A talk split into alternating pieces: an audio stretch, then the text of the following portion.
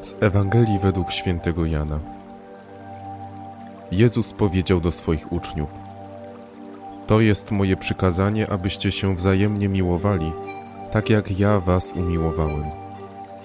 Nikt nie ma większej miłości od tej, gdy ktoś życie swoje oddaje za przyjaciół swoich.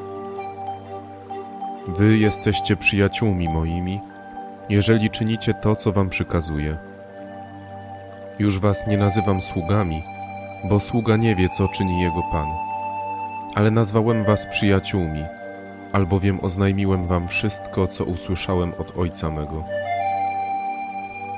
Nie wy mnie wybraliście, ale ja was wybrałem i przeznaczyłem was na to, abyście szli i owoc przynosili, i by owoc wasz trwał, aby Ojciec dał wam wszystko, o cokolwiek go poprosicie w imię moje.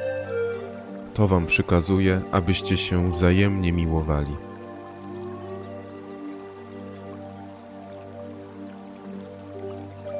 W dzisiejszym rozważaniu podejmiemy temat końca, a dokładniej rzecz ujmując, początku. Mowa Jezusa w dzisiejszej Ewangelii ma charakter podsumowujący. Chrystus wspomina, zbliża się ku końcowi nauczania i ludzkiej znajomości z apostołami. Oznajmia swoim uczniom, że są Jego przyjaciółmi, gdyż oznajmił im wszystko, czego dowiedział się od Ojca. Przeżyli razem już długi okres czasu. Apostołowie byli świadkami wielu znaków i cudów dokonywanych przez Niego. Przekazał im wszystko, co miał do przekazania. Już nie nazywa ich sługami, ale przyjaciółmi. Stopień zażyłości i wzajemnego zaufania wzrasta.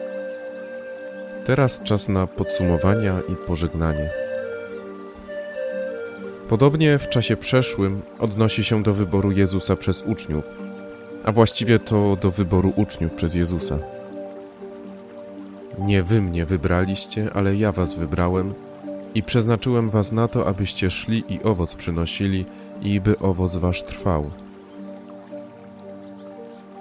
Motyw końca widzimy także patrząc szerzej na umiejscowienie dzisiejszej Ewangelii w Piśmie Świętym.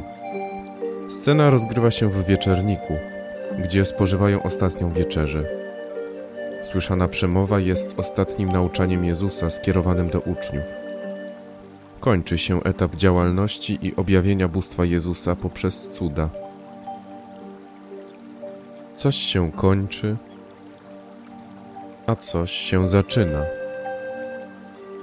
Mimo podsumowującego charakteru dzisiejszej Ewangelii, tak naprawdę staje się początkiem. Otwiera ona dopiero długą drogę dla rozwoju wiary i działalności Kościoła. Rzeczy, które wydają się być końcem, są tak naprawdę dopiero początkiem.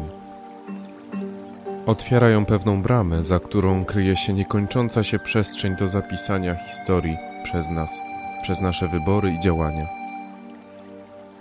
Nauczanie Jezusa dobiega końca, ale rozpoczyna się najważniejszy etap jego pobytu na ziemi męka, śmierć i zmartwychwstanie. W cudzysłowie awans apostołów z pozycji sługi do relacji przyjaciela jest nowym zobowiązaniem wobec osoby Jezusa i podjęciem się zadania ewangelizacji narodów. Każdy nasz etap w życiu prowadzi nas do jeszcze szerszych horyzontów i perspektyw. Ukończenie szkoły średniej otwiera drogę do rozwoju na konkretnym kierunku studiów albo w specyficznym zawodzie.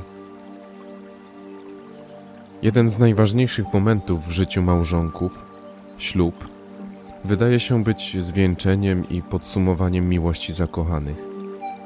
Ale jest dopiero początkiem długiej drogi przemierzanej wspólnie.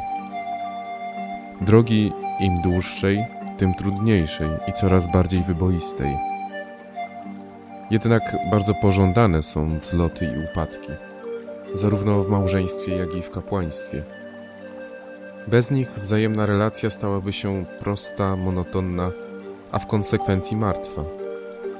Wspólnie przeżywane radości i kryzysy wskazują na żywą relację.